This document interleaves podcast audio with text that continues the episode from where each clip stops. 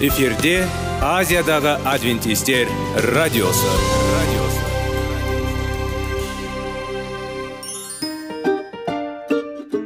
Сәлем достар. Денсаулық өмір бұлағы және біздің бірінші байлығымыз демекші денсаулық сағаты рубрикасына қош келдіңіздер.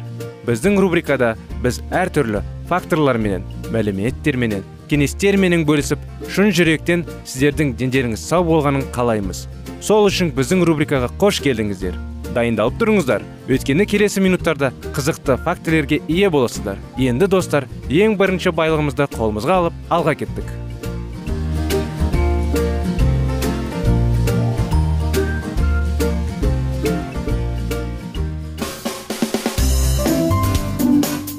Денсаулық туралы хабар. Денсаулықтың ашылуы. Күн сайын сөз үшін күшті кеңестер соңғы жаңалықтар қызықты факторлар. Біздің рубрикада.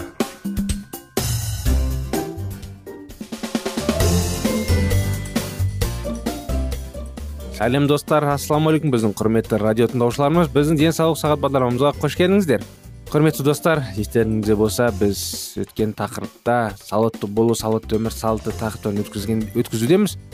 Сол өткен тақырыпта біз есірткілер жайлы әңгімелеген едік. Олардың зияндығы адамның бақытты болу үшін арнайы эндорфиндер жайлы нашақорлық жайлы. Соған қарай жалғастыра кетсек тақырыбымызды көпшілік үшін есірткі пайдалану жолында тұрған адамдар бұл шеңбер біртіндеп адамның жеке тұлға ретінде толық азық тозуына және соңында өлімге әкеп соғады. Бұл қалай болатынын қарастырып көрейік.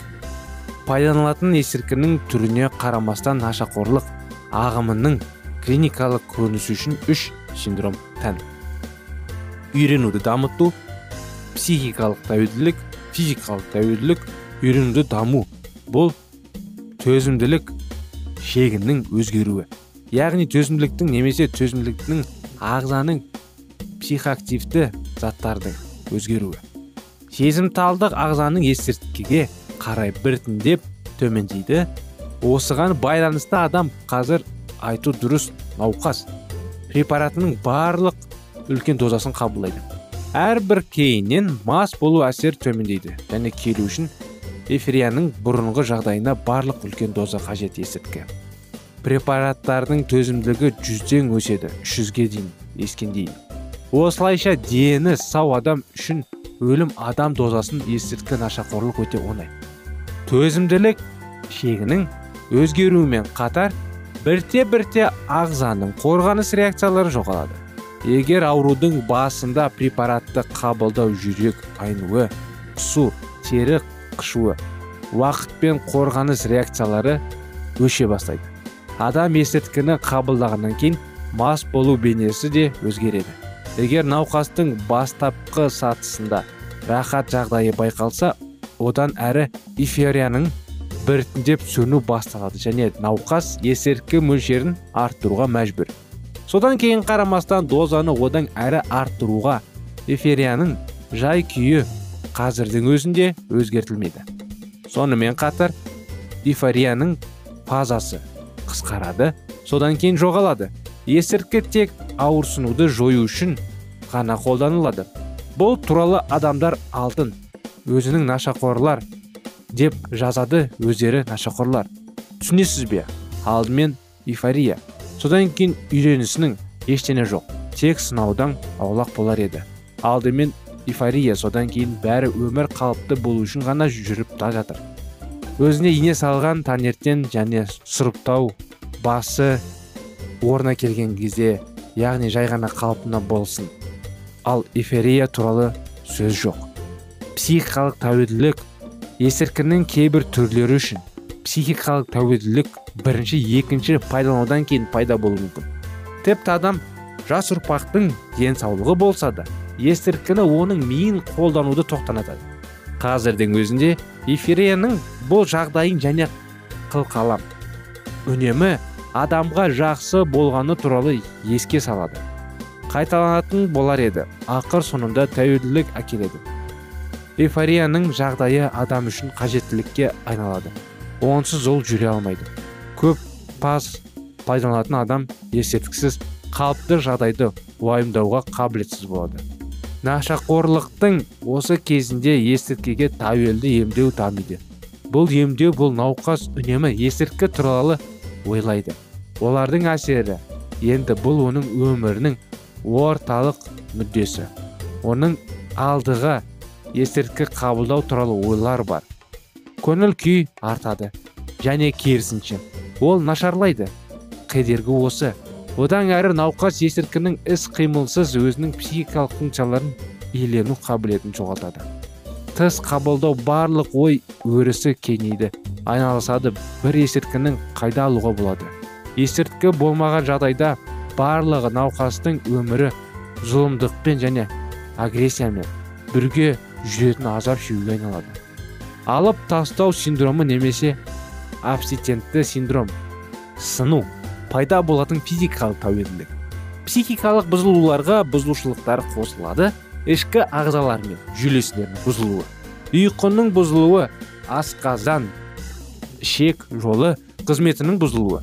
Бұлшық еттердің сүйектердің және ішкі ағзалардың ауырсыну сезімдері.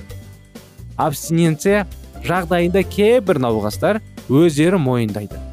Бұрау және кеміршіктер. Бұйымдардың ауруы кейде абстиненция жағдайы естең тану арқылы тырысқақ ұстамалармен жүреді. Абстиненция депрессивті күйден қорқыныштан бастап психиканың әртүрлі бұзылуымен көрінеді. Мазасыздық және күшті эмоционалдық және қимыл қозғалу әкеліп соғатын ашулы агрессивті науқастар жиі өзіне өзі қол жұмсауға тырысады. Өкініштен өлім жұмақ мейірімді өлім шөлді морфиямен салыстырғанда осылайша жерленген бәлкім соңғы көпіршіктерді ұстайды. Ауа табына және раздриутті теріні кеуде тырнақ деп жазды булгаков. Алғашқы көрмесі өтті әңгімесінде морфиді көп жылдар бойы есірткі қолданған. Сонымен біз сізбен үш тән синдромды қарастырдық. Нашақорлық ағамның клиникалық көрінісі үйренудің дамуы психикалық әуелділіктің және физикалық тәуелділік қорытынды жасаймыз және есірткіні пайдалану жолына тұрған адам алатын болашақты қысқаша шығаруға тырысасыз ба? Нашақорлық бұл баяу өзіне өзі қол жұмсау бұл сыналы ерікті түрде өмір сүру ерік жігер ақыл ой мен қабілет нашақорлық бұл адамның ішкі дүниенің барлық жақтарын адамдармен қарым қатынасын және өмір сүру тәсілдерін қозғайтын жаппай жеңісі сондықтан жалғыз ақылға қонымды шешім ешқашан есірткімен байланыспаңыз. Мінекей осындай кеңестер құрметті достар келесі жолға дейін сау саламат болыңыздар.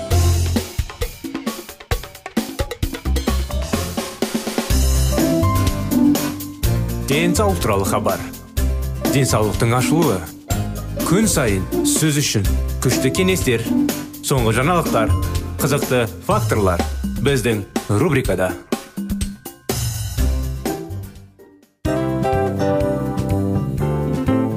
Әуелі байлық денсаулық екінші байлық он саулық үшінші байлық ақ жаулық. Ал енді осындай радио парақшадан кейін не дейміз? Барлықтарыңызға денсаулықтарыңыз зор болсын деп тілейміз. Денсаулықтың өзгеруі кішкентай нәрселерден басталады. Осымен біз берген кеңестер мен мәліметтер шын жүректен сіздер үшін қандай да бір болсын жәрдем берді деп үміттенеміз. Тыңдаушыларымызбен келесі радио парақшасына дейін қоштассамыз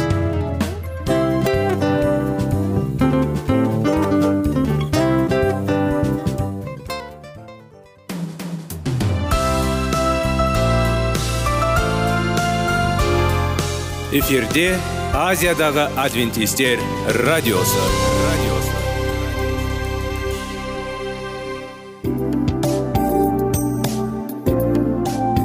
сәлем достар. Барлықтарыңызға шын жүректен сөйлесек рубрикасына қош келдіңіздер деп айтпақшымыз. Шын жүректен сөйлесек бағдарламасы әртүрлі қызықты тақырыптарға арналған. Шындығында шын жүректен сөйлесек деген сөздің мағынасы екі достың екі адамның ортасындағы шын жүрекпен сөйлесуі бір біріне сенуі ашықтық пен шындықты білдіреді. Сол үшін біздің бағдарламалар әртүрлі қызықты тақырыптарға арналған. Дайындалыңыз жаңа қызықты мәліметтерге ие болуға. Ондай болса кеттік.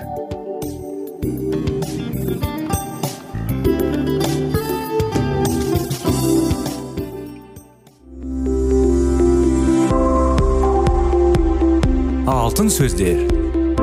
Сырласу қарым қатынас жайлы кеңестер мен қызықты тақырыптар. Шын жүректен сөйлесейік рубрикасында.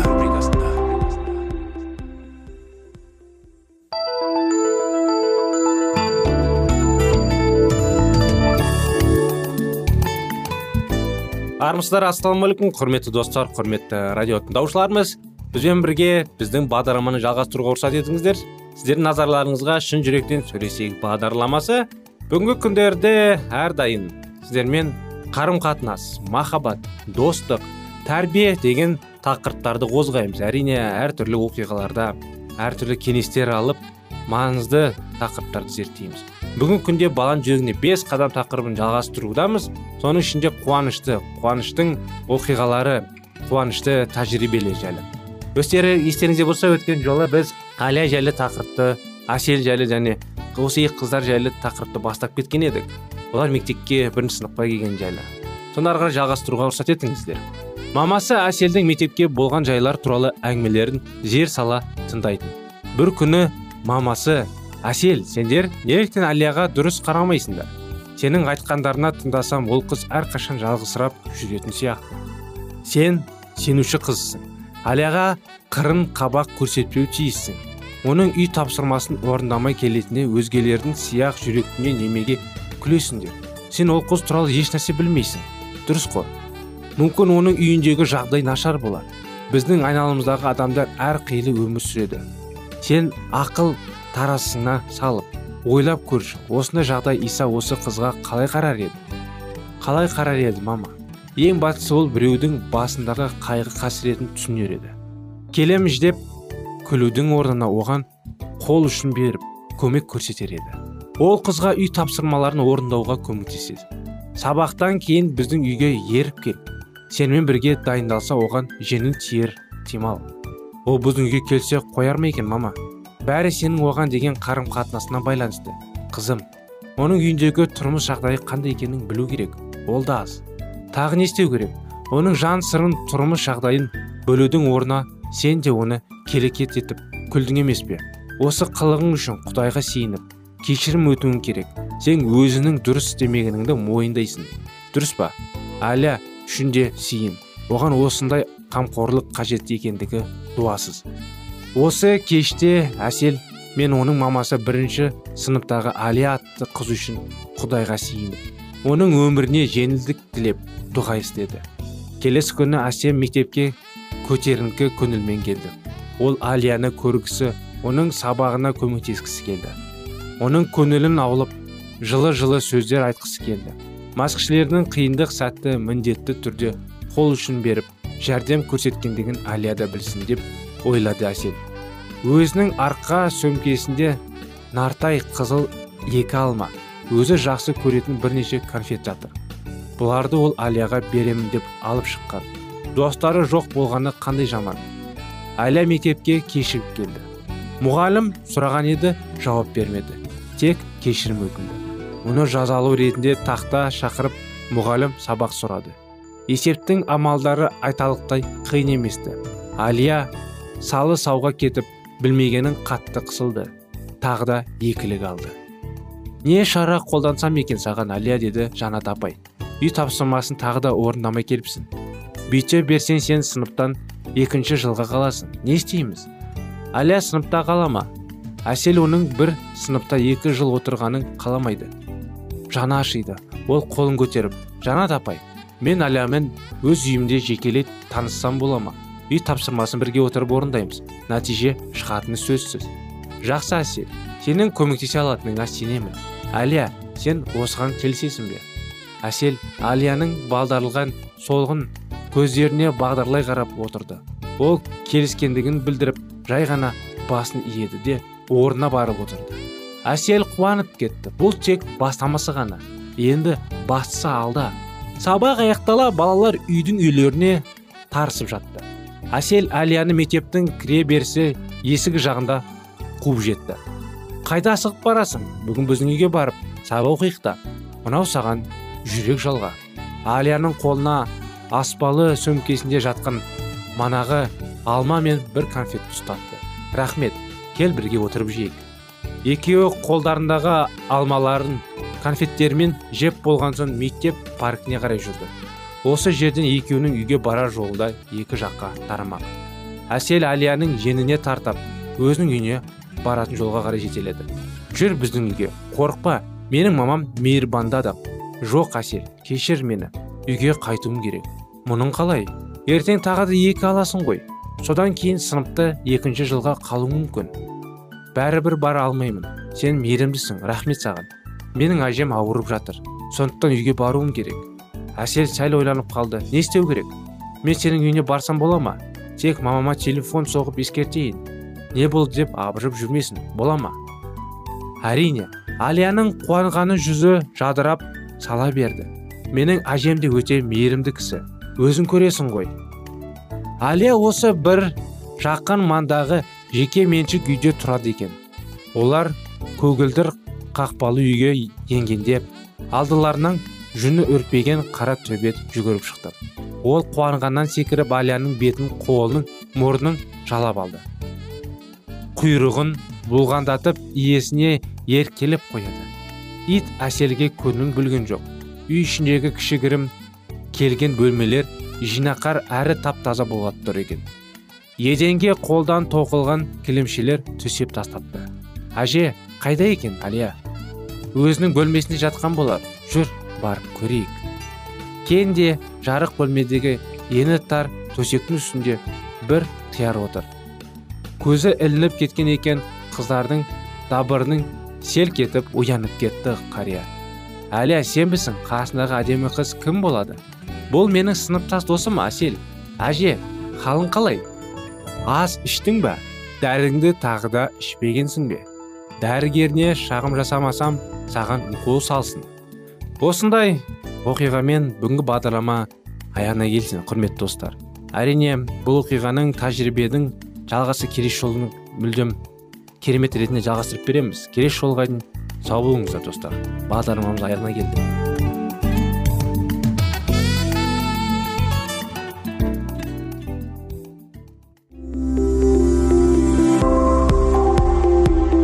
Алтын сөздер. Сырласу. Қарым қатынас жайлы кеңестер мен қызықты тақырыптар. Шын жүректен сөйлесейік рубрикасында.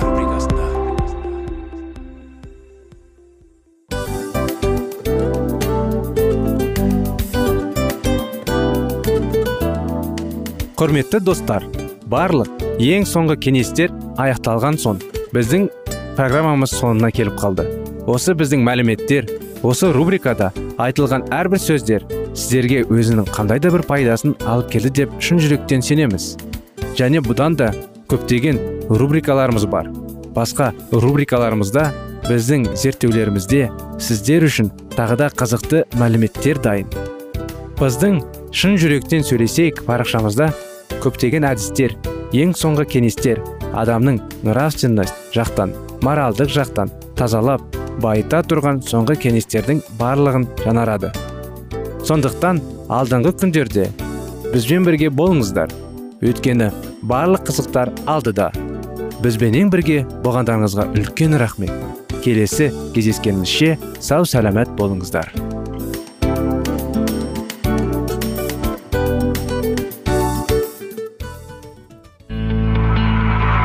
Жан дүниеңді байытқан жүрегіңді жаңғыртқан өмірдің мағынасын ойландырған рухани жаңғыру. Рубрикасы.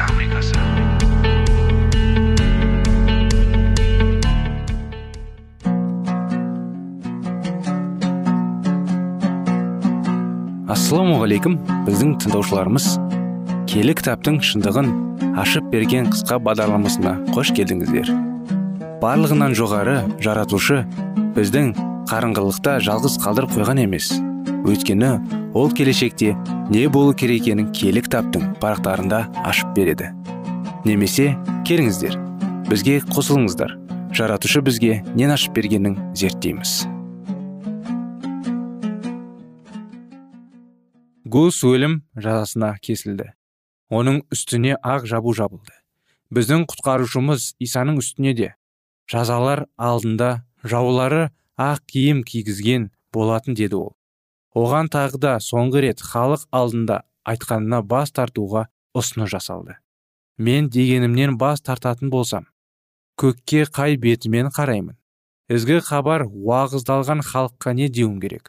Жоқ адамдардың құдай патшалығына кіру мен үшін өте маңызды мен ақиқатты қорғау жолында мынау ажалды денені құрбан етуге дайынмын деді реформатор. Онан соң епископтар оны шешіндіріп киімнің әрбір бөлігіне қарғы жасады. Басына жын шайтандардың бейнесі салынған пирамида сияқты қағаз қалыпқа кигізді. Қуанышты дауыспен гус мені құтқару үшін мәсіх басына тіккеннен тәж киесі ол үшін мен басыма қаһарымдау қалпыған киігініме ризамын деді. Жігерлене сөйледі ол. Соңында прелаттар сенің жаныңды әзәзілдің қолына тапсырамыз деді. Ал гус болса көкке назарың аударып мен жанымды құдайдың қолына тапсырам деп аққа бой ұсынды. Әрі қарай іске шенеуліктер кірісті. Гус өлтіретін жерге әкелінді. Қаптаған тобыр туралы әскер дін әкелері епископтар және константсты тұрғындарды осы жерге бірге еріп келді. Гусқа ашаға байлап төменің от қайылмас бұрын тағы да адаушылыққа бас тарт деген ұсыныс жасады қандай адасушылық туралы сөйлеп тұрсыздар. Менің жазғаным да айтқаным да шындық және оны қаныммен дәлелдеуге әзірмін деп жауап қайтарды ол. От тұтанып гус алудың құшағында қалды. Бірақ даусы бір жола өшкенше ол дәуіттің ұлы иса маған кеншілдігімді бере көр деп алланың есімін қайталаумен болды. Оның мұншалықты қаһарман қылығына густың жауларының өзі қайран қалды. Кейіннен олардың бірі густы және одан кейін дәл солай алуға түсі қаза болған иронимді еске ала отыра былай деп жазған болатын. Олар ажал отына түскенімен қайтпас қажырлық танытты. Жандары қанша қиналса да өлгендерінше құдайдың есімін әнге қосты. Және бұл әнді бірден тоқтатуға ауладын да әлі жетпейді. Густың денесі түгел өртеніп болған соң оның күлің жаулары рейн өзеніне тастады. Ал өзеннің ағысы оны әрі қарай мұхиттарға алып кетті. Дәл осылайша густың уағыздаған хабары жер жерлердің бәріне тарай берді. Жаулары оны өлтіріп даусын өшірді дегенмен шындықта таратушылардың саны азайған жоқ. Керісінше көбейді. Адам өлгенімен ақиқат ешқашан өлмейді ғой. Густың өжеттігі табандылығы сенімі басқа жұртқа өнеге болды. Ал рим болса бар әлемнің алдында өзінің зұлымдық әрекеттерімен қатыгездігімен масқаларланды. Бұл әдістерімен ақиқаттың жаулары шындықты туралын тоқтата алмады. Керісінше оған жол ашып берді. Алау оты бірақ адамды жұтып қойған жоқ. Көп замай тағы да бір адам ақиқаттың құрбаны болып алау отына түсті. Бұл адам ираним болатын. Ол гуспен қоштасар кезінде оған қажырлы және мықты болуына тілек білдіріп сонымен қатар қиындық кезінде көмекке келуге әзір екендігін айтқан. Реформатордың қамауға алынғаны естіген ироним уәдесін орындау үшін жедел түрде жол жүрді. Ол ешқашандай қорғау қағазынсыз ақ жалғыз жолдасын ертіп қуысқа көмекке келді. Бірақ оған көмек көрсете алмайтынына көзі жетті. Сонымен қоса қауіп оның өз басына төнді. Енді ироним қаладан қашпақ болды. Бірақ жаулары оны ұстап алып шынжырлап констанца алып келді. Собор оны отқа тастасын деген айғаймен қарсы алды қамауға алынған ол қараңғы қалпаста жатып қатты азап шекті. Азық ретінде оған нан мен су ғана берілді. Бірнеше айдан кейін ироним ауыр індетке шалынды. Ажал оны қолымыздан жұлып әкетер ме екен деп қауіптенген түрменің қараушылары енді оған аздап көңіл бөле бастады. Осылайша ол түрмеде бір жыл жатты. Густың өлімі папалықтардың күткен нәтижесінде жеткізген жоқ. Қорғау қағазының шарты бұзылғандығы көпшілік қауымды абыржытты. Сол себепті собор иронимді алуға алмауды салмауды жөн көрді. Оған да екі ұсыны жасалды. Айтқаннан бас тарту немесе өлімге бел буу алғашқыда көрген азабымен салыстырғанда ажалды құрметті қонағындай санаған ироним енді науқастан әсергендіктен әрі жолдастарынан ажырап қамыққандықтан густың өлімінен қатты қобалжындығының бойын қорқыныш билігінде соншалықты собырға бағынуды жөн көрді. Уиклиф пен гусқа шығарылған үкімі әділетті деп мойындап католиктерді дініне бағынуға уәде берді. Осылайша ироним арынның үшін өшіріп азаптан қашып құтылған кенді онаша қалған ироним өткенді ойлап густы оның қайратты мінезін есіне алып өзінің шындықты бас тартты. Құдайға сатқындық жасағаннан қатты қиналды. Барын оның тәні азап шеккенімен жаны алланың шапағына бөлінесе енді өкінішке жанын жегідей жеді. Риммен келісімге тұруы үшін әлі көп нәрседен бас тартуы керек екенін жақсы ұқты. Олардың дегенімен келісу иманнан бас тарту деген сөз. Ал бұл мәңгілік өлімге апаратын жол. Осының барлығын ойлап салмақтай отырып ол нақтылы шешім қабылдады.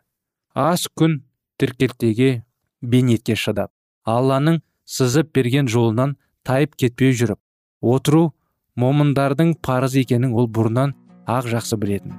Ендігі жерде құдайға сенімін артып болатын іске бозыттай болу керек. Аз уақыттан кейін оны жаулары тағы да соборға алып келді. Иронимнің олардың дегендерімен келескендігі бұл жауыздары қанағаттандырмады. Густың қанына тоймаған олар жаңа құрбандардың қандарын төгуді аңсады. Тек имандарының бірі жола бас тартқандар ғана бұл сұмдықтан қашып құтылар айғақ болатын.